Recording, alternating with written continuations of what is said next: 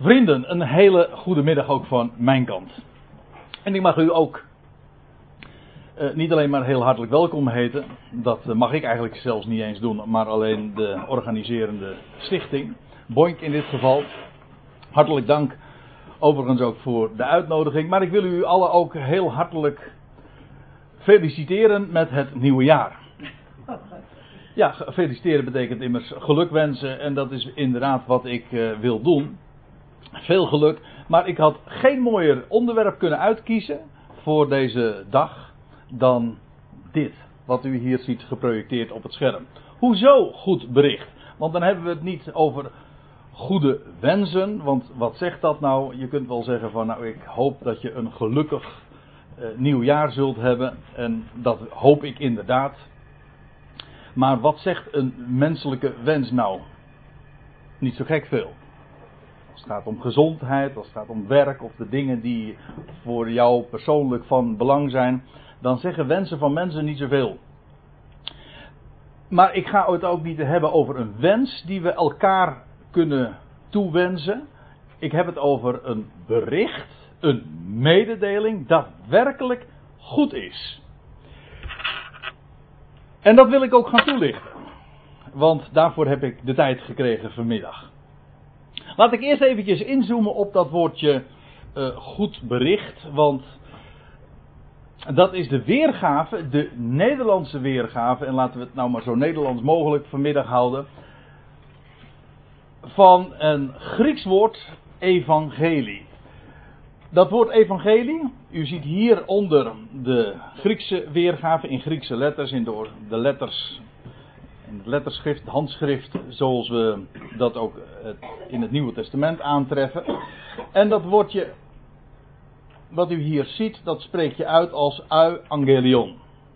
En dat bestaat uit twee delen. Dat eerste deel, dat betekent eu, dat wil zeggen wel, in de zin van welbevinden, welvaart, welzijn, welgelegen, welriekend. In de zin dus van goed. Dat is wat dat eerste deel van het woord betekent. En dat andere deel, dat tweede deel van het woord, dat betekent angelion. Daar herkennen wij ons woord engel nog in, angel. En dat betekent boodschap. Een engel is feitelijk gewoon niks anders dan een boodschapper. En dat tweede deel betekent dus een bericht. Zodat als je het geheel beziet, dan, en beide woorden erbij uh, als één geheel ziet, dan krijg je dus een welbericht of een goed bericht. Zie daar het thema van deze middag. Oftewel een goede tijding. Je, je kunt nog wel wat meer varianten bedenken. Maar nu begrijpt u in elk geval wat het idee is van dat woordje evangelie. Ik ga het vanmiddag hebben over een goed bericht. En ik wil uit gaan leggen waarom dat evangelie niet inderdaad zoals het standaard wordt verteld. Dat is waar. Sylvia gaf het zojuist al even aan. Het is hier heel ondergronds eigenlijk. Hè? En dat is, dat is misschien wel typerend voor uh, dat wat vanmiddag ook verteld gaat worden. De locatie. Dat wil zeggen, dit is niet wat algemeen verteld wordt. In de christenheid, door de kerk, het instituut, of wat daarvoor doorgaat. Ik wil u meenemen gewoon naar de Bijbel en dan ook niet zozeer een Bijbelvertaling, maar gewoon naar de schrift, het origineel. Wat verstaat de Bijbel onder dat woord evangelie? En ik ga u vanmiddag tien redenen opnoemen waarom dat evangelie inderdaad een goed bericht is. Hoezo goed bericht? Wel, ik ga er vanmiddag u tien redenen op geven. Maar ik weet zeker, daar zouden veel meer redenen te noemen zijn. Maar ik noem de meest, wat mijzelf betreft, de meest in het oog springende. En ik zal u ook laten zien, vanuit de Bijbel zelf, de schriften, het origineel, ook het allerbelangrijkste. En misschien bent u bij één reden al volledig om.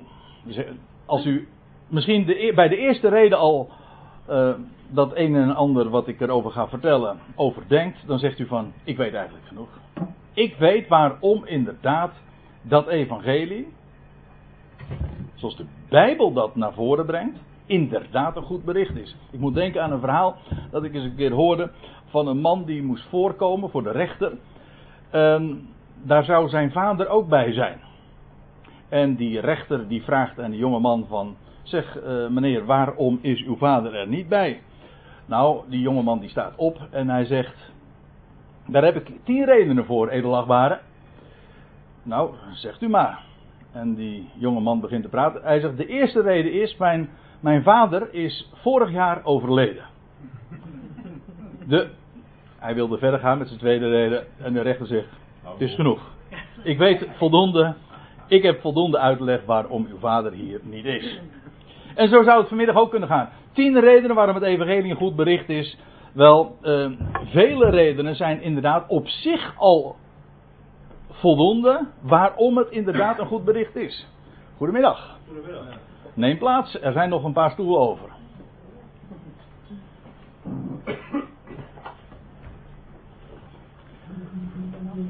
En ik ben net begonnen dus al te veel heb je nog niet gemist. Sterker nog, ik heb nog niet één reden genoemd waarom dat evangelie een goed bericht is. Ik heb alleen even de titel toegelicht, niet meer dan dat. Tien redenen. En laat ik de eerste meteen maar dan gaan noemen. Want het is een volle bak. Want ik moet er dan nog iets bij zeggen. Er is juist vanwege de aanpak die ik vanmiddag verkies, is het een hele volle bak. Dus we gaan kriskras ook door de Bijbel. En het is dus niet één specifiek Bijbelgedeelte wat ik uh, ga vermelden of noemen. Nee, er zijn tal van redenen die ons uh, door heel de Bijbel heen leiden. En de eerste is deze. En ik heb hem expres voorop gezet. Waarom?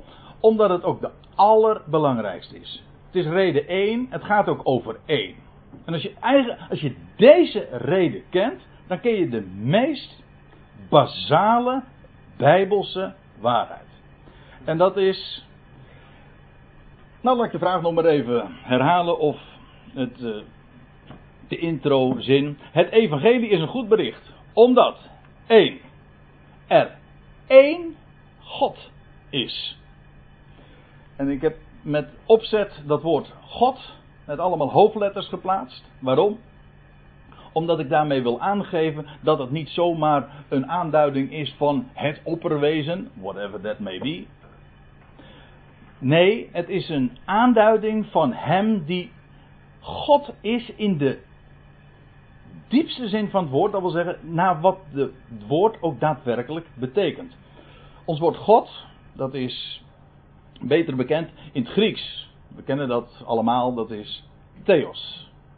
In het Hebreeuws is het Elohim. En dat heeft het te maken met onderschikken, alles een plaats geven. Maar nou kom ik meteen dus ook op die Griekse betekenis. Want dat woordje Theos, dat betekent inderdaad degene. Dat is afgeleid van een woord dat betekent van een werkwoord dat stellen of plaatsen betekent. Vandaar dat Theos betekent Degene die stelt. Degene die alles plaatst. Die alles een plek toewijst. Dat is wat God is. Eigenlijk vermeldt het dus zijn functie. Dat wat hij doet. Het is dus dat die aanduiding God spreekt van iemand. Dat is waar. Maar het spreekt van dat wat die iemand doet. Namelijk alles een plaats toewijzen. En waarom alles? Nou, om een hele simpele reden. Er is maar één God. Er is, niet, er is een God. Ik bedoel, in wezen, elke religie kent een God. Een God. Meerdere goden. En zelfs, ik moet zeggen, het christendom, uh, hoewel het de naam heeft een monotheïstische godsdienst te zijn, spreekt men, men spreekt officieel in de leer, dus een het ABC van de christelijke orthodoxie is dat er drie personen zijn die alle drie aanspraak kunnen maken op de titel God. Men noemt dat de leer van de Triniteit of van de drie-eenheid. Maar ik zeg, er is één God. Eén iemand die, en omdat er maar één is, die alles geschapen heeft, die alles bedacht heeft, die een plan heeft met dat wat hij begonnen is, wat hij gemaakt heeft, en die alles daarom, omdat er maar één is, kijk, zouden er twee of drie of meerdere goden zijn, dan zou dat wat de ene doet, kunnen worden gedwarsboomd of tegengehouden door de ander. Dat, zou je, dat probleem heb je al als er twee goden zijn. Maar als er maar één God is, dan is er dus ook maar één iemand die alles bepaalt. Daarmee is de goede afloop van alles in wezen al verzekerd. Dat wat hij zich voorneemt, gaat gebeuren. Waarom? Er is één God. Dat is maar niet een, een getalsmatige kwestie. Het is, het is maar niet een kwantitatieve kwestie. Het is een kwalitatieve kwestie. Het duidt aan dat hij inderdaad God is. Ik wil u voor, bij elke stelling die ik noem, of bij elke stelling, bij elke reden die ik opgeef, dit is, bij deze, dit is reden 1, wil ik ook een schriftplaats vermelden, minimaal 1 en soms wat meer. Maar goed, ik kan niet al te veel uh, daarop uh, over uitweiden, maar ik, dit wil ik in ieder geval gezegd hebben. Er is één God en daarom is het evangelie een goed bericht. Ik wil u even meenemen naar Jesaja 45. En soms wijk ik wat af van de MBG of de Statenvertaling, omdat ik de meest letterlijke weergave verkies. De concordante zoals dat heet. Maar in Jesaja 45, daar wordt God sprekend ingevoerd. Hij, bij monden van Jesaja spreekt hij dit. Hij spreekt in de eerste persoon dus. Ik ben Yahweh, de naam van God. Ik ben Yahweh en niemand meer.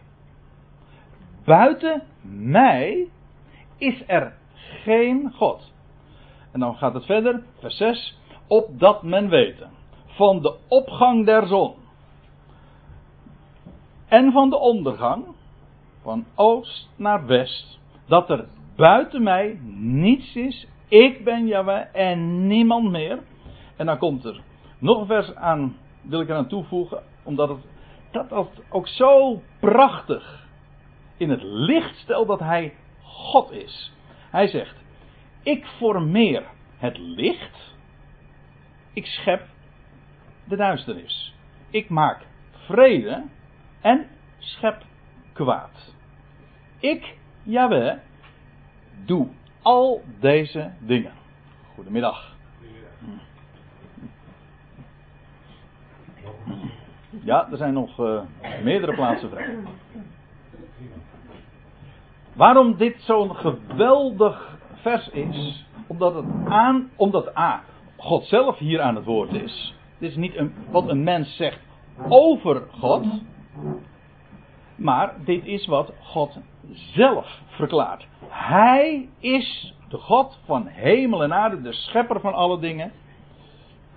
En hij is degene die goed en kwaad formeert, schept, maakt. Er is namelijk niemand anders. En u, wel, u kent wellicht de, de uitdrukking of de, de zin die nog wel eens een keertje in filosofische kringen of theologie, ook in de theologische faculteiten gebezigd wordt. Dan spreekt men over het probleem of over het raadsel van het kwaad. Ook theologen, christelijke theologen doen daar dapper aan mee. Dapper, in ieder geval ze doen daar aan mee. Eh, door te spreken over, ja, waar komt het kwaad nu vandaan?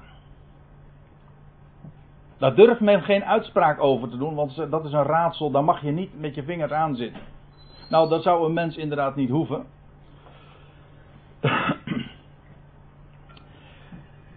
maar waar, dat, dat hoeft ook helemaal niet.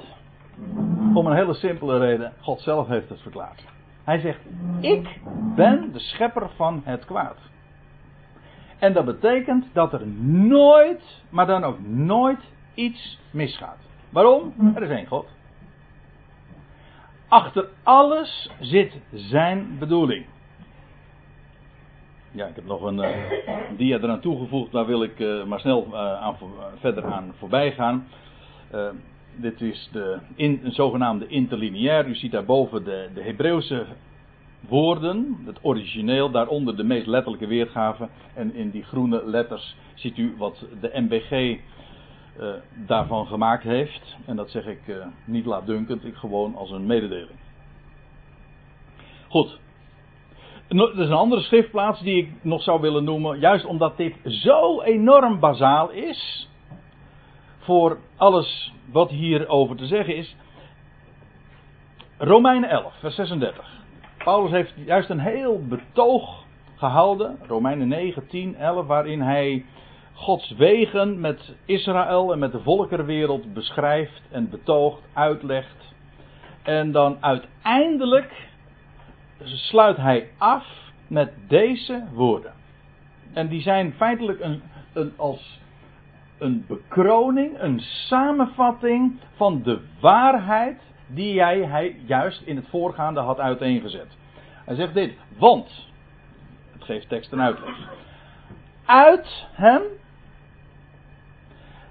hem, dat wil zeggen God, uit hem en door hem en tot hem zijn alle dingen. Dat was letterlijk staat er gewoon in het Grieks het al, tapanta.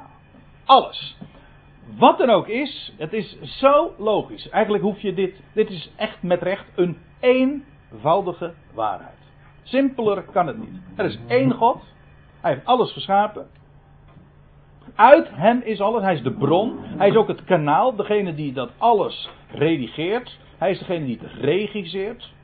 Goed en kwaad. En alles is zoals alles uit hem is. Zo is ook alles weer tot in hem. Zo staat het er letterlijk. Dat wil zeggen, het keert weer naar hem terug. Het komt uit hem voort. En hij staat er ook voor garant dat het weer bij hem terugkomt. Succes verzekerd. Waarom? Er is één God. En daarom ook, het is, hij is uniek, er is er namelijk maar één. Maar het is dus ook universeel. Het betreft alles. Daar valt niks buiten, want er is maar één God. Goed, dat was reden 1. Waarom is het evangelie goed bericht? Omdat er maar één God is. Reden 2. Het evangelie is een goed bericht. Waarom? Omdat het de waarheid van de schriften, en, en als ik zeg de schriften, dan bedoel ik inderdaad de Bijbel. De Bijbel is geen, geen boek, de Bijbel is een bibliotheek van 70 boeken.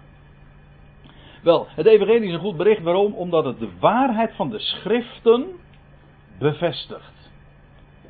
Het is opmerkelijk dat als je dat in het Nieuwe Testament wat nader beziet, dan zul je opmerken dat als daar het evangelie, het goede bericht doorgegeven wordt, dat altijd de Bijbel, dat wil zeggen de Bijbel in die dagen, de Hebreeuwse Bijbel, de Joden noemen dat de Tenach, wij spreken over, uh, niet geheel terecht, maar goed, het beestje moet een naam hebben, uh, het Oude Testament, dat het Oude Testament geopend wordt en toegelicht wordt dat dat wat in het Oude Testament staat, inmiddels vervuld is. En heel het, het grote onderwerp van de Tenach is. één keer komt daar de Messias, de gezalfde. Vanaf de aanvang is hij aangekondigd. Wel, het Nieuwe Testament vertelt dat die waarheid inmiddels gerealiseerd is. Die Messias is daar. Ik zal u dat ook laten zien. Het betekent dus dat het evangelische goed bericht. Wel, het geeft het verwijst daarmee naar de schriften. Het bevestigt de waarheid van de schriften. Ik neem u even mee naar, naar Romeinen 1. Een schitterende introductie van de, deze brief. Paulus die schrijft een brief aan de gelovigen daar in te Rome. En dan introduceert hij zich zo. Het zijn de eerste woorden dus van deze brief. Paulus, een slaaf van Christus Jezus, geroepen. Apostel, dat wil zeggen afgevaardigd, dat is wat het woord apostel eigenlijk betekent. Afgezonderd tot het evangelie, het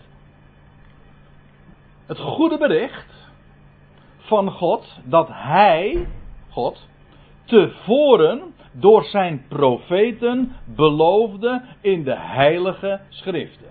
Dat wil zeggen, dat zijn maar niet zomaar boeken, het zijn heilige, dat wil zeggen apart gezette, aan God toegewijde geschriften. En dan staat er tussen haakjes bij, dat zeggen in een bijzin, aangaande zijn zoon. Daar gaat, het, daar gaat dat evangelie, dat goede bericht over. Die geworden, het zijn wat, misschien wat vreemde woorden, maar goed, het is de meest letterlijke weergave, zoals Paulus dat formuleerde. Geworden uit zaad van David, dat wil zeggen, hij kan zijn, hij kan zijn eh, geslachtsregister, zijn genealogie, kan hij terugvoeren tot David. Dat was een van de kenmerken ook van de Messias. Kunt veel dingen over zijn. Als je een, een profielbeschrijving zeg maar, van de Messias zou, eh, zou geven. Van, gewoon op basis van de Hebreeuwse Bijbel, het Oude Testament. Dan, dan is een van de dingen die daar het meest uh, uitspringt. Het zal een telg zijn uit de dynastie, uit het koningshuis van David. Wel, daarom begint de, de Bijbel, uh, het Nieuwe Testament in Matthäus, in Lucas, ook inderdaad met zijn geslachtsregister. Dat daadwerkelijk teruggevoerd wordt tot David. Wel, hij is uh, aangaande zijn zoon, uh, daar gaat het over. Waar gaat het evangelie over? Over de zoon van God. Dat wil zeggen, hij die door God zelf verwekt is. Dat is wat het betekent. die geworden is uit het zaad van David naar het vlees, naar, naar geest van heiligheid. Door opstanding van doden verklaart God zoon te zijn in kracht. Jezus Christus, onze Heer. En de verleiding zou groot zijn om hier nou wat meer over te zeggen, maar ik heb met opzet de woorden vet gedrukt waar het uh, me nu vanmiddag om gaat. Ik, de reden is, het evangelie bevestigt de waarheid van de schriften. Nou, dat ziet u hier inderdaad. Het is de boodschap, het evangelie van God, waarin verteld wordt over hem die tevoren in de schriften was aangekondigd. Wie hij zou zijn waar hij geboren zou worden, wanneer en zelfs hoe hij zou leven, etc. Er zijn heel veel dingen die, in de, die, tevoren uh, die, die tevoren zijn opgetekend en waaraan inderdaad Jezus, Yeshua, volmaakt voldeed. En, dat, en bij de prediking van het goede bericht ging altijd de Hebreeuwse Bijbel open met name natuurlijk als, als Paulus, maar ook de andere, zijn collega-apostelen, eh, in de synagoge kwamen, dan deden zij de Bijbel open en ze lieten zien van Hij die is aangekondigd, Hij is nu gekomen. Waarmee de waarheid van de schriften is bewezen. God bewijst zijn eigen woord. En hoe doet hij dat? Wel, op meerdere wijzen, maar in ieder geval ook door te vervullen dat wat hij aankondigt. Geen mens kent de toekomst. Er is er maar één. Die geacht wordt de toekomst te kennen en dat is God. Logischerwijs. Want er was maar één God, hè? Wel, van God mag verwacht worden dat hij de toekomst kent. Hij voorspelt ook niet zoals een, een, een waarzegger dat doet. Waarzegger tussen aanhalingstekens. Nee, hij voorzegt. Zo zullen de dingen gaan. Profetie en de uitkomst daarvan bewijzen de waarheid van het woord. Hij heeft gesproken en het gebeurt. Gewoon precies zoals vermeld van tevoren. Dat bewijst de waarheid van de schriften. Dat was reden 2. We gaan verder. Het evangelie is een goed bericht. Waarom? Om, en dit sluit erg sterk aan bij het voorgaande. Omdat het berust op gedocumenteerde feiten. Het is dus met recht een bericht. Het is een mededeling. We spreken ook over nieuws. Het is dus niet een filosofie of een bepaalde gedachte. Nee, het is een, een feit wat ook bevestigd is door ooggetuigen. Vele ooggetuigen. En vervolgens zwart op wit is gezet. Dat is wat ik bedoel ook met gedocumenteerde feiten. Het hele Nieuwe Testament dat pretendeert inderdaad ooggetuigenverslag te zijn. Ik zou daar nog eh, niet zo lang geleden heb ik zelf daar een, zelfs een, over dit ene thema een, een hele Bijbelstudiedag ook gewijd. Buitengewoon boeiend. Maar ik wil het in dit verband even kort aanstippen. Maar het is wel van belang, want ja, je kunt natuurlijk wel aantonen dat het evangelie goed is, maar als het uh, op los zand, als het zomaar uh, op niks gebaseerd is, dan heb je er nog niks aan. Het moet dus echt daadwerkelijk een bericht zijn dat solide is. Dat is van groot belang. En dan, uh, dan zijn er andere dingen. Ik noemde de, de eerste reden al van er is één God. Jawel, maar hoe weet ik dat nou? Wel, het is gebaseerd op, de, op waarheid, op een bericht, op ooggetuigenverslag. Het is niet uit de duim gezogen. Ik zal u een voorbeeld geven, zoals dat uh, in het Nieuwe Testament ook gepresenteerd wordt. Kijk het maar na. Het Evangelie naar Lucas begint gewoon met te vermelden waarom het betrouwbaar is. Uh, Johannes, uh, de brief van Johannes begint er ook mee. Het, in het boek De Handelingen wordt dat elke keer weer dat wat verteld wordt bewezen. Het is geen verhaal, geen filosofie. Nee, het is een mededeling dat gestaafd, geboekstaafd is, berust op ooggetuigenverslag. Petrus zegt in zijn laatste brief, het eerste hoofdstuk, hij zegt, want wij zijn geen vernuftig gevonden mythen. Dat is het letterlijke woord wat daar staat in het Grieks. Het woord, ons woord mythe is eigenlijk een Grieks woord. Wij zijn geen vernuftig, knap bedacht verhaal nagevolgd. Toen wij u de kracht en de parousia, de, de komst van onze Heer Jezus Christus hebben verkondigd. Maar wij zijn ooggetuigen geweest van Zijn majesteit. Zo wordt het Nieuwe Testament, het Evangelie, het goede bericht, gepresenteerd als ooggetuigenverslag. Niet van één, maar van velen. En u weet wanneer, dat ze bij een rechtbank al zo, bij twee of drie getuigen staat een zaak vast. Wel, ik kan u verklappen, er zijn honderden getuigen hiervan. Die trouwens de betrouwbaarheid van hun getuigenis nog zelfs met hun eigen leven hebben bekocht. Verreweg het merendeel van die ooggetuigen hebben inderdaad moeten sterven voor dat wat ze verklaard hebben, te gezien en gevoeld en getast. Kortom, waar ze zelf bij waren. Nou, geen mens sterft voor een leugen. Geen mens sterft voor iets waarvan die weet dat het een leugen is. Niemand is daartoe bereid.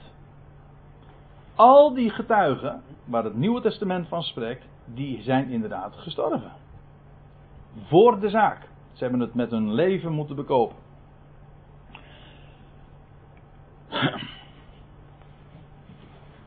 Nou gaan we wat meer nog naar de inhoud. Ik heb de voorgaande redenen, de eerste uitgezonderd. De voorgaande redenen gingen vooral over waarom het solide is en waarom het waarachtig is. Maar ik wil u nog nu meer naar de inhoud gaan, waarom het een goed bericht is. Nou, het eerste wat ik dan noem, en dat sluit erg aan toch wel bij het voorgaande. Het evangelie is een goed bericht, waarom? Omdat de dood is overwonnen. Dat is de mededeling. In wezen, kijk het maar naar het Nieuwe Testament. Wat er verteld wordt, is niet, ik zei zojuist al, geen filosofie. Ook niet een moraal van wat de mens moet doen. Het is gewoon een mededeling van wat ze hebben gezien en wat gebeurd is. Namelijk dat ooit daar even buiten de poorten van Jeruzalem de steen is weggewenteld. En dat de Messias, hij die uit het huis van David van was voortgekomen en die gekruisigd was door de, de Joodse autoriteiten en door de Romeinen. Wel, op de derde dag, ook weer, zoals voorzegd, stond hij op uit de doden. Eens voor altijd. Dat wil zeggen, hij liet het graf definitief achter zich. Zodat inderdaad de dood is overwonnen. En dat is een garantie dat de dood ook eenmaal, nog even geduld, maar niettemin, de waarheid staat, de dood ook teniet gedaan zal worden. De dood is overwonnen. En laten we wel wezen. We zijn allemaal stervelingen. Ik zat juist van de week nog naar een, eh, een, verhaal te, uh, te lezen, een interview van een conferencier, iemand die dus beroepsmatig de mensen aan het lachen moet brengen. Die zei: Ik weet maar één ding zeker en dat is dat ik doodga. Dus een, al zijn conferences gaan, hebben dat eigenlijk ook als thema. Ik heb het over Joep van het Hek. En dat is heel zwartgallig, maar we ik bedoel, dat is een, ja, hij zegt, uh, zo simpel is het. En inderdaad, dat is ook zo. Maar ik weet, ik weet iets anders zeker. Namelijk, dat de dood is overwonnen. Het is een historisch feit. Het is gedocumenteerd. Het is de ware. Dat is dat goede bericht. Met alle consequenties van dien. Want laten we wel wezen. Wat is er nou een beter bericht voor een sterveling, zoals wij allemaal zijn. dan dat de dood. is overwonnen. en eenmaal ook teniet gedaan zal worden. Ik kom daar straks nog op terug. Maar even, even moet dit scherp gesteld worden. Ik lees voor. 1 Korinthe 15. Daar schrijft Paulus, dat is trouwens het hoofdstuk bij uitstek dat waarin Paulus uiteenzet wat de betekenis is van dat feit. Van die weggerolde steen op die derde dag. Hij zegt dit in vers 14. Indien Christus niet is opgewekt, dan is onze prediking zonder inhoud. Met andere woorden, de inhoud van de prediking is dat Christus is opgewekt. En zonder inhoud is dan ook uw geloof. Hij zegt, dan blijken wij ook valse getuigen van God te zijn. Daar hadden we het net al even over. Maar nu zegt hij, Christus is opgewekt uit de doden als eersteling. Dat wil zeggen, dat wat er 2000 jaar geleden plaatsvond, even buiten die poorten van Jeruzalem. Dat, toen werd de dood voor hemzelf overwonnen, maar hij is een eersteling. En ik kan u verklappen, hij is de eersteling van een universele oogst. Allen die in Adam sterven, dat wil zeggen alle nakomelingen van Adam, het hele mensdom is sterfelijk, aan de dood onderhevig. We lopen allemaal met de dood in onze schoenen.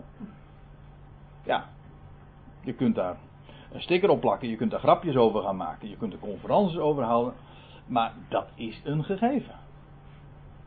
En sommige mensen bekijken het van de vrolijke kant en zeggen: nee, je zou er toch ook niet aan moeten denken dat dit bestaan altijd zou voortduren. En daar ben ik het wel mee eens.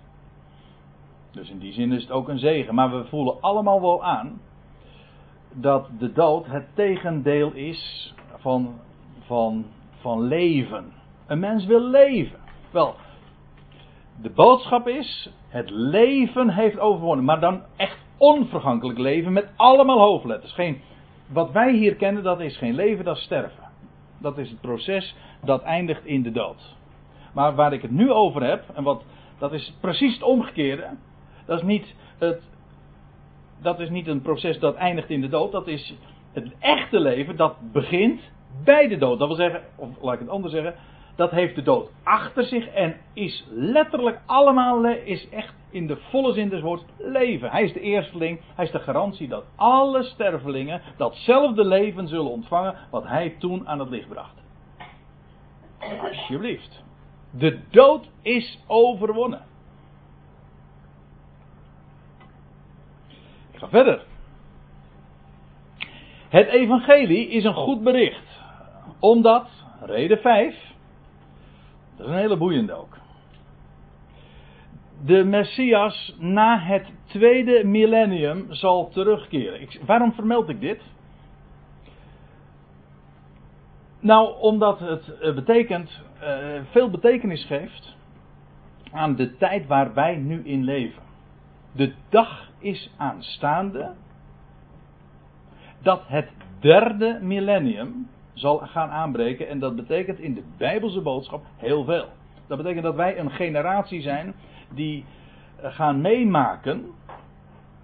Of eh, binnenkort, ik noem geen jaartallen, maar je kunt zelf wel rekenen. En trouwens. Nee, ik wil het niet zo. Uh, ik, ik, wil helemaal me niet op dat ijs bewegen. Misschien dat we straks in de, of na de pauze daar nog wat over door kunnen spreken. Maar ik wil er wel graag toelichten dat de Bijbel heeft voorzegd wat er aan het einde van dat tweede millennium zou plaatsvinden. En met, met het tweede millennium bedoel ik na het heengaan van de Messias. In het jaar 30. 31 als u wil, 32. Maakt me even nu niet uit. Hm? Hm? Oh, ik zit even naar beneden bij te tellen. Oké. Okay. Uh, eh, misschien nog eerder, ja. Hij zou terugkeren, die Messias. De Messias die ooit opstond uit de doden en die na 40 dagen on, uh, zich ontrok aan het gezicht. Wel, hij zal terugkeren. En waarom vermeld ik dat? Ja, het louter feit dat hij terugkeert en dat hij zijn werk gaat afmaken, dat is goed, een goed bericht. Ja, maar dat het binnenkort zal zijn, dat is juist. Ik bedoel, we zijn, het jaar 2014 is net begonnen. Maar dat uh, maakt het helemaal spannend, juist voor ons. Eigenlijk alles in de wereld wijst ook in die richting. Alles gaat naar een climax toe. Het kan niet lang meer duren, dit hele, hele, deze hele gang van zaken, dit hele, zoals uh, het wachttorengenootschap altijd spreekt over het, dit hele samenstel der dingen. Dat is wel een mooie. Dat kan niet zo lang meer voortduren. En dat klopt. En heel het wereldgebeuren, alles wat er plaatsvindt, dat wijst in die richting. Met name het Midden-Oosten. En dat wat er in de laatste decennia, pakweg de laatste eeuw is gebeurd. Dat er alle stukken gewoon weer op het schaakbord gezet worden. Duizenden jaren zijn allerlei naties als Syrië en Libanon en Egypte. En niet te vergeten de Joodse staat en zelfs de Filistijnse. Gewoon van de kaart geweest, letterlijk van de kaart. Ze waren er niet. En ze zijn nu allemaal in een enkele decennia worden ze allemaal gewoon weer neergezet. Waarom? Wel, straks gaat het spel beginnen. En dat klinkt wat uh, badinerend, maar ik, bedoel, ik, ik hoop dat u begrijpt wat ik bedoel. Alles wordt in het werk gesteld nu. Om dit, deze waarheid straks ook uh, aan het licht te brengen. Namelijk dat de Messias hij is gekomen, hij zal terugkeren en hij keert zelfs terug. Zoals zijn eerste komst. Laat ik het zo zeggen. Zijn eerste komst is ook gedateerd. Van tevoren. Honderden jaren van tevoren werd gezegd wanneer hij zou komen. Vandaar ook dat in die eerste eeuw zwanger was van Messias verwachting. Men wist, hij gaat komen. Wel, zo kunnen wij ook nu weten de tijd is zeer nabij. Weliswaar wordt dat cryptisch uh, gezegd. Je leest, laat ik een, een bekend en een, een heel belangwekkend uh, schriftplaats in dit verband noemen. Daar lees je dit, Hosea 6. Daar wordt Israël sprekend als volk ingevoerd. En dan zeggen zij: Komt, laat ons wederkeren, dat wil zeggen terugkeren, tot Yahweh. Want hij heeft verscheurd, hij zal ons helen. De afgelopen twee decennia, eh, pardon, de afgelopen twee millennia, de afgelopen 2000 jaren zijn jaren geweest dat Israël in het graf der volkeren was, omkwam, de vreselijkste dingen heeft meegemaakt. Maar hij heeft verscheurd, hij zal ons helen. En nou sla ik even iets over en dan staat er in vers 2: Hij zal na twee dagen ons doen herleven. Dat is heel opmerkelijk. Opstanding, nieuw leven, dat vindt plaats op de derde dag. Ik had het net over de komst of over de Messias en zijn opstanding op de derde dag. Maar ook Israël, nationaal, zal herleven op de derde dag. Maar dan praten we niet over dagen van 24 eh, uur. Dan praten we over dagen van duizend jaar. Ik zal u dat straks ook laten zien. Dat is de wijze waarop God namelijk telt. Hij zal ons na twee dagen doen herleven. Een nationale herreizenis.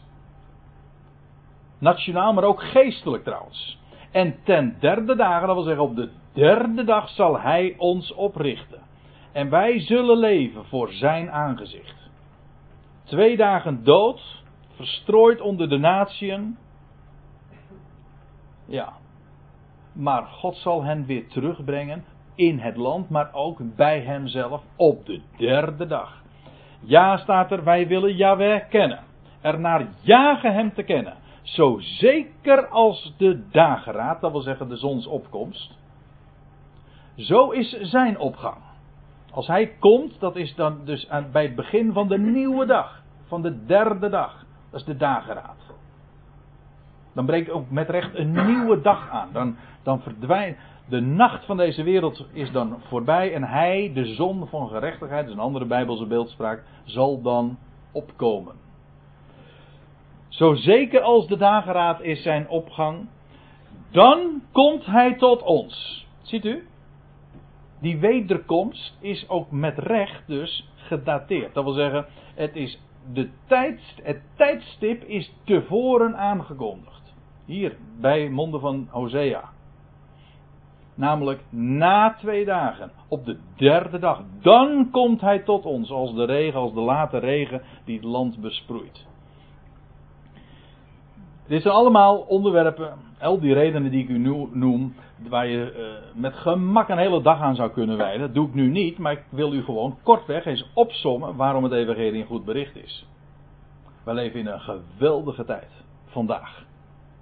Zo, 2014, het duurt niet lang meer. De derde dag gaat aanbreken. De termijn is vervuld, bijna.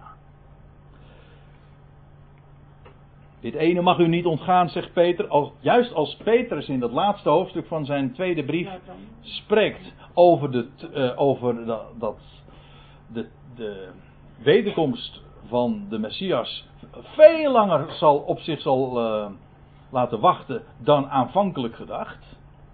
Ook dan Petrus trouwens zelf aanvankelijk gedacht had. Maar dan zegt hij: Dit ene mag u niet ontgaan, geliefde dat één dag bij de Heer is als duizend jaar en duizend jaar als één dag.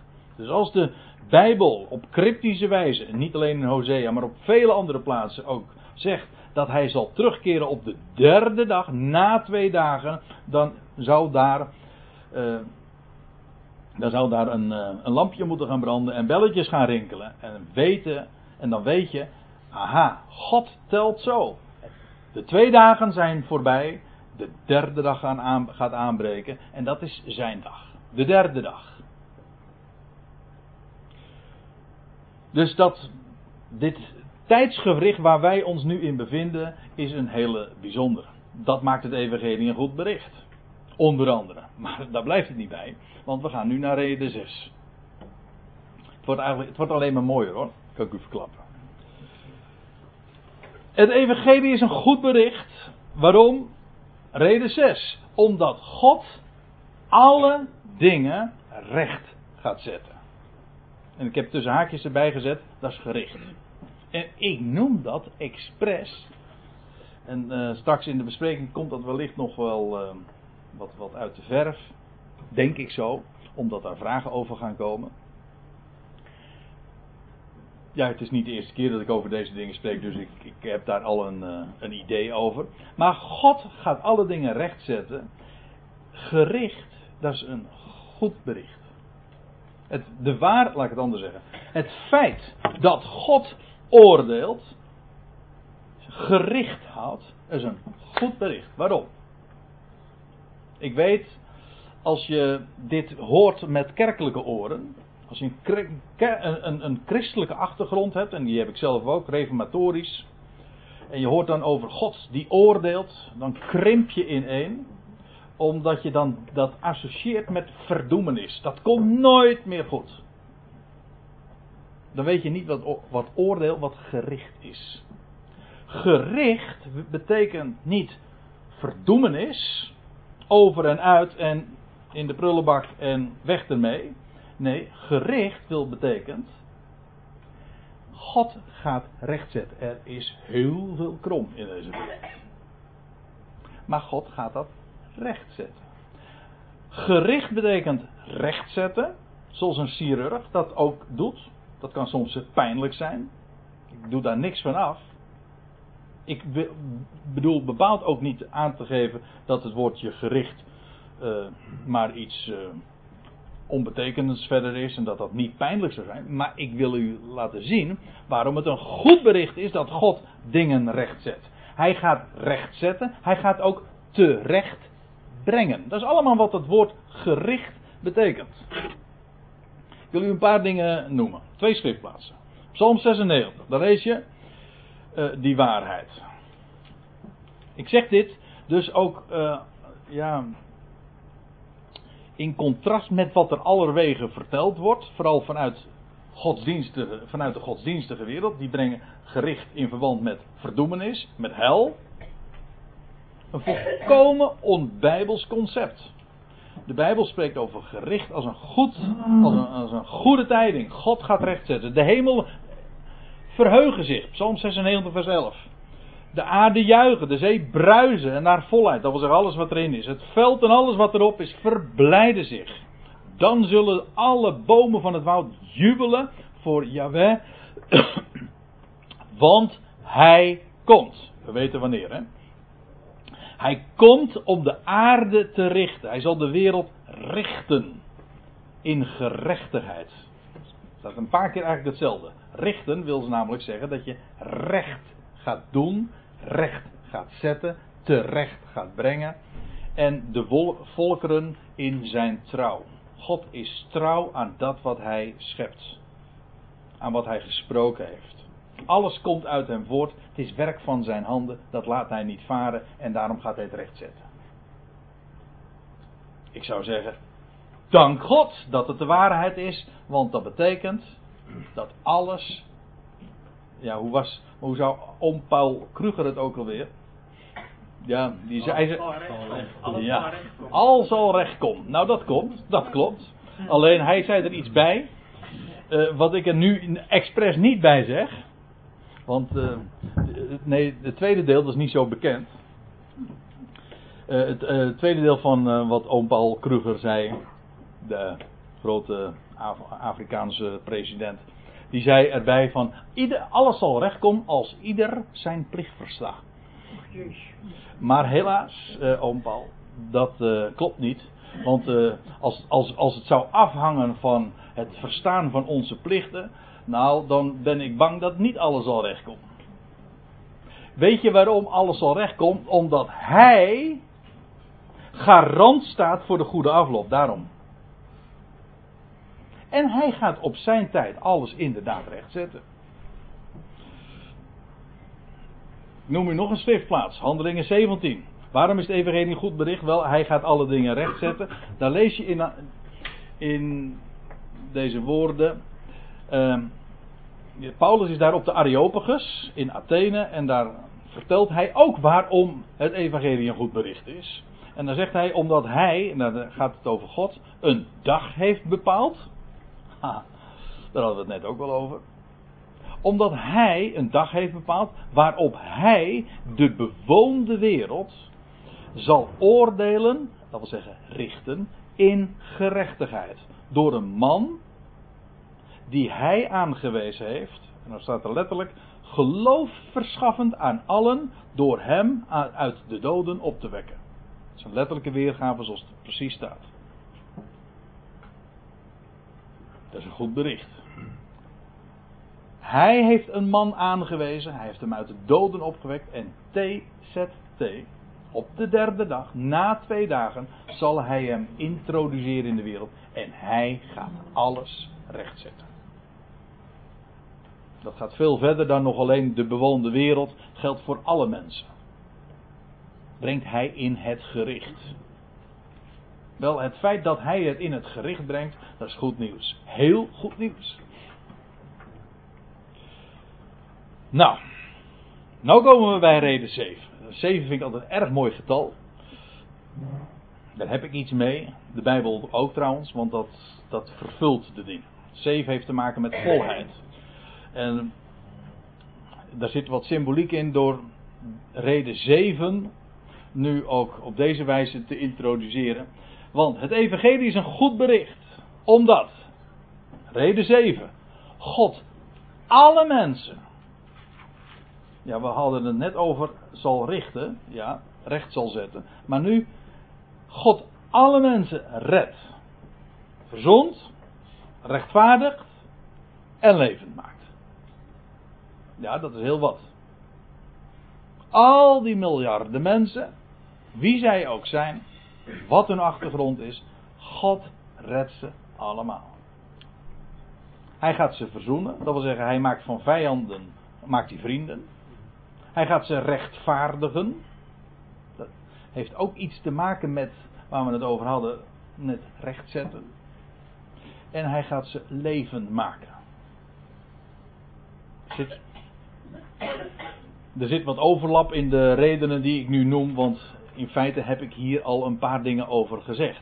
Maar ik wil het nu echt expliciet zeggen. En omdat ik hiermee heel veel zeg, en omdat deze woorden zo haak staan op dat wat altijd als evangelie verkocht wordt. Dat is een aardig woord in dit verband. Want men verkoopt het evangelie, want er hangt namelijk een prijskaartje aan. Dat is net als wat Paul Kruger zei, als ieder zijn plicht verstaat, ja, dan heb je precies de clue gemist. En Sylvia gaf het eh, bij de inleiding al even aan. Dat evangelie is niet dat wat er, in de, in wat er verteld wordt van ja, voor een club is het een goed bericht. Nee, het is all in. Het is een goed bericht, inderdaad, all inclusive. Het sluit niets en niemand uit. Waarom? God houdt van zijn schepping. Nou, ik zal u ook de bonnetjes daarbij geven. Ik moet het heel sumier doen, maar ik, ja, ik ontkom er niet aan, maar ik vertel ze graag. Paulus zegt in 1 Timotheus 4, ja, en dan geeft hij ook aan waarom, wat zijn missie is. Hij zegt, hierom getroosten wij ons moeite en grote inspanning. De Statenvertaling zegt, uh, worden we versmaad. Waarom? Wel omdat we onze hoop gevestigd hebben op de levende God. Als, hij de levende God is, dan weet je dat de dood het nakijken heeft.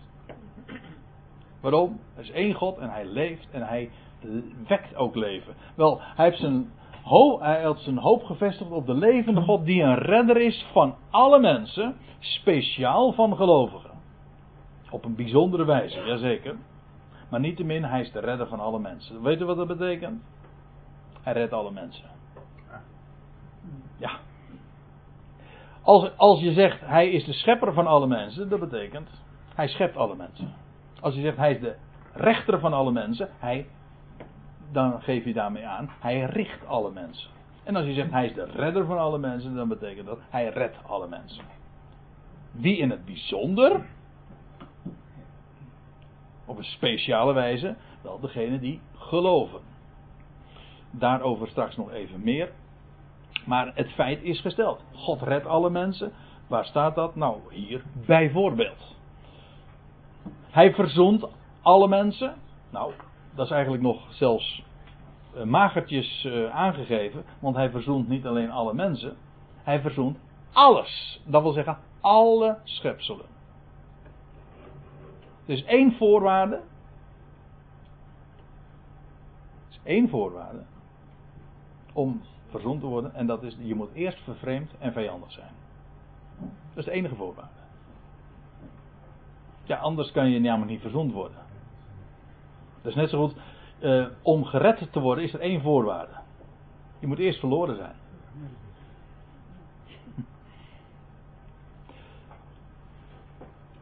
En om gelevend gemaakt te worden is er één voorwaarde. Je moet eerst dood zijn.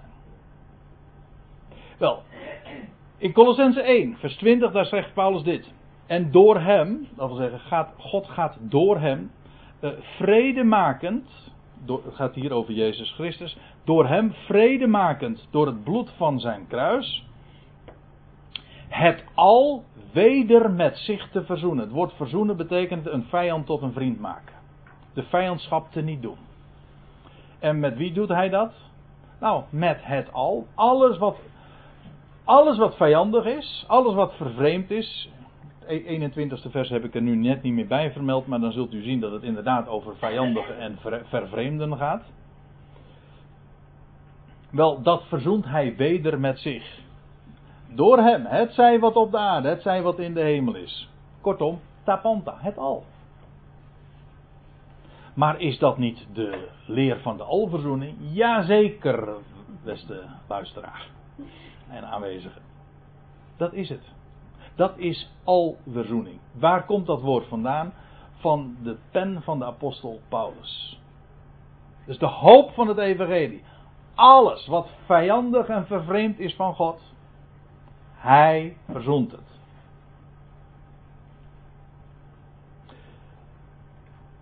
En geen vijandschap zo groot, of hij maakt jou tot een vriend. Dat is het bloed van het kruis. Dat wil zeggen, het feit dat hij zich liet kruisen betekent. Zo groot is mijn liefde. Zelfs al slaan ze mijn zoon aan het kruis, dat weerhoudt mij niet om jullie het leven te gaan geven. Zo verzoent God al zijn vijanden. Ik moet verder gaan, want er zijn nog een paar redenen te gaan. Maar ik zei u, God is, hij redt alle mensen, hij verzoent allen. Eh, Paulus zegt ook in Romeinen 5, vers 18, heel expliciet, dat niet voor tweeërlei uitleg vatbaar is. Derhalve, gelijk het door één daad van overtreding voor alle mensen tot veroordeling gekomen is. Paulus schrijft hier echt in telegramstijl. Als je het in het Grieks bekijkt, dan staat er in dit hele vers geen één, niet, één, niet één werkwoord. Het is echt telegramstijl. Uh, gelijk er door één daad van overtreding voor alle mensen tot veroordeling gekomen is. Dat wil zeggen, alle mensen zijn veroordeeld om zondaar te zijn, sterveling te zijn. Daar zijn we allemaal toe veroordeeld. Wel, op diezelfde wijze, dat komt allemaal door één daad. Ooit van overtreding. Die beroemde vrucht. In de Hof van Eden. Wel, zo komt het ook door één daad van gerechtigheid één rechtvaardige daad. één daad van gehoorzaamheid. Voor alle mensen tot rechtvaardiging van leven. Geen ontkomen aan. Als je veroordeeld bent tot het een, om sterveling te zijn, dan ben je ook bestemd tot leven en tot rechtvaardiging. De Bijbel vertelt dat. Daarom is het evangelie een goed bericht voor wie dan ook. Hij neemt dat voor zijn rekening. En dat hij ook allen uh, levend maakt. Wel, we zagen dat eigenlijk al in dat voorgaande vers in uh, Romeinen 5 vers 18. Maar we zien dat ook in 1 Korinthe 15. Die schriftplaats waar ik zojuist al uit citeerde. Want evenals in Adam allen sterven. Zo zullen ook in Christus allen levend gemaakt worden. Dat moet aan denken. Als ik op een uh, begraafplaats loop. En je ziet er al die graven. Van alle soorten mensen. Sommige mensen zijn jong gestorven, andere oud. Dus de een heeft veel gepresteerd, andere mensen hebben weinig gepresteerd. De een was, stond bekend als goed en de andere stond bekend als iemand die totaal niet deugde. Wel, ik kan u dit vertellen. Uiteindelijk eindigen we toch allemaal hetzelfde hoor, namelijk in het graf goede, kwade, allen treft, zegt prediker al, eenzelfde lot. Ja, dat is heel dubbelzinnig. Allen treft eenzelfde lot, ja. Want zoals alle sterven, zo zullen ook allen, evenals ooit Christus, als eersteling, worden levend gemaakt. Daar staat God garant voor. Of je dat nou leuk vindt of niet, of dat je dat, wat je, wat je mening daarover is, is volstrekt oninteressant. Zoals ook aan u niet gevraagd wordt of u het leuk vindt of dat u ermee eens bent dat u een sterveling bent. Het is zoals het is. Het is een mededeling, een bericht. Maar het is een goed bericht, want God heeft het leven. Allemaal hoofdletters. Voor ogen, voor elk mens. Reden 8. Het Evangelie is een goed bericht omdat het getuigt van onvoorwaardelijke hoop en liefde. Er is zelfs een, een speciaal Grieks woord voor onvoorwaardelijke liefde. Wij kennen daar niet uh, een, een, apart woord voor, maar het Grieks wel, en dat is het woordje agape. En de Bijbel gebruikt dat dikwijls. Het spreekt van God die lief heeft, puur om niet. Een beetje vergelijkbaar. Uh, op aardsniveau uh, met de liefde van een ouder voor een kind. Ik zeg een beetje, want de, ook daar hapert er maar, uh, maar al te vaak wat aan. Maar laten we wel wezen, als ouder, als vader, als moeder hou je van je kind. Zelfs al zou het een moord begaan, al doet de vreselijkste dingen, Het is en blijft je kind. Wel, God houdt van zijn schepping. Waarom? Het is zijn schepping. Hij heeft jou, hij heeft iedereen gemaakt. Je bent werk van zijn handen en daarom houdt hij van je. Het spreekt van onvoorwaardelijke hoop en liefde. En het feit dat hij onvoorwaardelijk lief heeft, is precies ook de hoop, de verwachting, de basis van, zijn, van de verwachting die we hebben. Het komt goed. Waarom? Hij houdt van ons. Hij is God. Een happy end is gewoon absoluut verzekerd, want er is één God. Dat was reden 1. Hè? Maar nu zijn we inmiddels bij reden 8. Maar dat is waar het evangelie van spreekt en wat het ook tot goed bericht maakt. Ik wil u een, een, een zin of een paar versen voorlezen die, die, die bekend zijn. Ook in de kerkelijke wereld. Maar zo vaak eenzijdig worden aangehaald en volstrekt onbegrepen. En daarom wil ik het graag toch even vanmiddag ook voor het voetlicht brengen. Want al zo lief, en dat staat hier het Griekse woordje agape. En in, een, in de oude is het als een feit, niet als een handeling, maar als een feit. Al zo lief heeft God de wereld. Ja, dat woord gehad kun je eigenlijk door. Dus, de werkwoordvorm is gewoon zonder horizon dat hij zijn enige geboren zoon geeft, opdat een ieder die in hem gelooft niet verloren gaat, niet omkomt, maar eeuwig leven hebben. U ziet hier een streepje tussen eeuw en ich. Dat is geen foutje. Maar dat is met opzet om u aan te geven wat eeuwig is. Eeuwig heeft te maken met eeuw, met een aion. Wellicht dat we daar straks ook nog even op terugkomen. Ik ga dat nu niet uh, doen, maar degene die gelooft, daar komt het op neer, die zal op een speciale wijze deel hebben aan de redding. Dat is waar. Die beërft namelijk de toekomende ionen, de toekomende eeuwen, wereldtijdperken. En meestal houdt men hier op. Maar laat ik u dit zeggen, het, vers, het gaat nog verder. Die liefde van God is namelijk niet alleen maar voor degene die gelooft, maar is voor heel de wereld.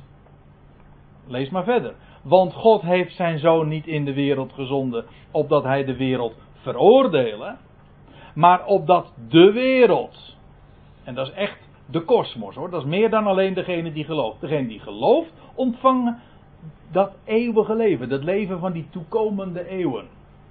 Maar God heeft een plan met heel de wereld. Hij heeft heel de wereld lief en hij heeft zijn zoon in de wereld gezonden, opdat de wereld door hem gered zou worden. Hij is de redder der wereld. Dat staat trouwens in Johannes 4, vers 42. Letterlijk zo. Daarom is het evangelie een goed bericht.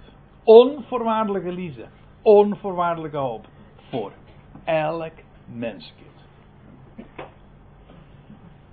Reden 9.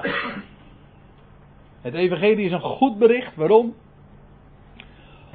Omdat het de mens transformeert en doet stralen.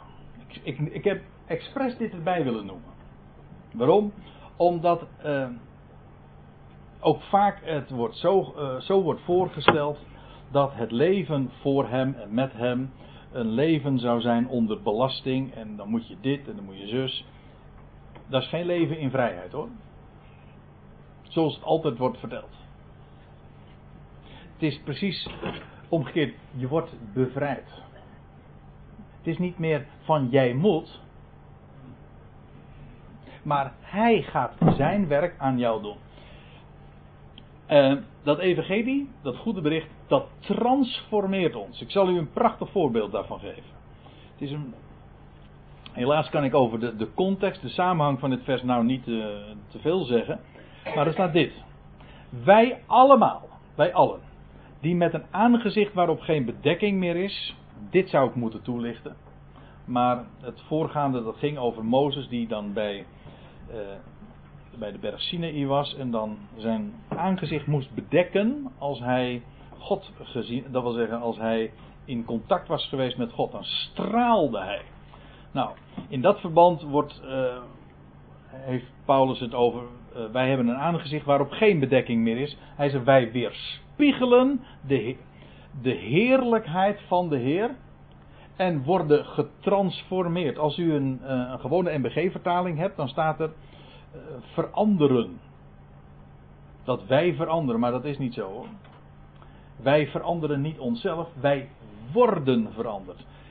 Hier staat in het Grieks een woord dat, dat, dat wij allemaal kennen, namelijk dat is metamorfose. Dat is een hele gedaanteverwisseling.